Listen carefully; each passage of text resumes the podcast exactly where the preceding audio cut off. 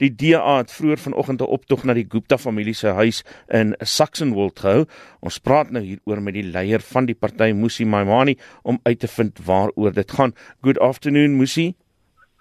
Goeie goeiemiddag dit is goed om hier om om op radio sonder grense te wees.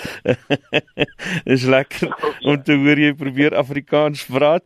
Ehm um, maar nou ons gaan jou nie straf daaroor nie. Ehm um, Musi uh, in short, why did you march to the Gupta house in Saxonwold today?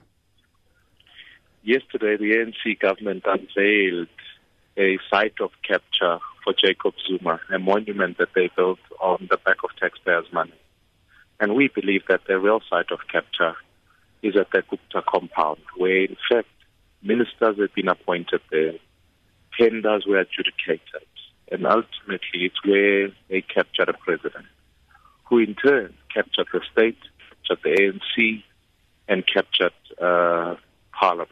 And so we believe that it's important that we go to the Gupta estate and say, look, this matter must be investigated. Months has been gone by, and the state of capture report has never been investigated. The president opposed the Judicial Commission of Inquiry, and we want to ensure that ultimately the Guptas are, in fact, criminally prosecuted, and we equally want to ensure that the investigation proceeds with the Judicial Commission of Inquiry, and then lastly, an ad hoc committee is established in Parliament that will centralize all the investigation so that we can get to the bottom of this. It's time South Africa moves, moves on from this chapter. While we are discussing state capture, 9 million of our fellow citizens are, are unemployed and too many are dying of poverty. Uh, um, uh, Mmusi, are you still there? Yes. Okay, you just uh, uh, disappeared for a moment there. Um, I think you moved your phone a little bit. If you can just keep it still for a moment. Uh, uh, how big a problem do you think is state capture, and, and what are you hoping to get in this regard from this morning's march? We demand that Shaun Abrahams and uh, that, that, that the president withdraws from the establishment of uh, or the opposing of the Judicial Commission of Inquiry, but I also written to the Speaker of the National Assembly, and I want her to establish one centralized ad hoc committee. That will be by the 31st of October. Should she refuse to do so, we will take it to court because we believe that this matter must be established so that we can investigate properly all the allegations that take place. Do you think the Guptas are the uh, uh, the only symptom, or is, is the only symptom of this problem? No, it is not. You know, when ANC set itself out, it set up the National Democratic Revolution with the view of capturing the organs of government.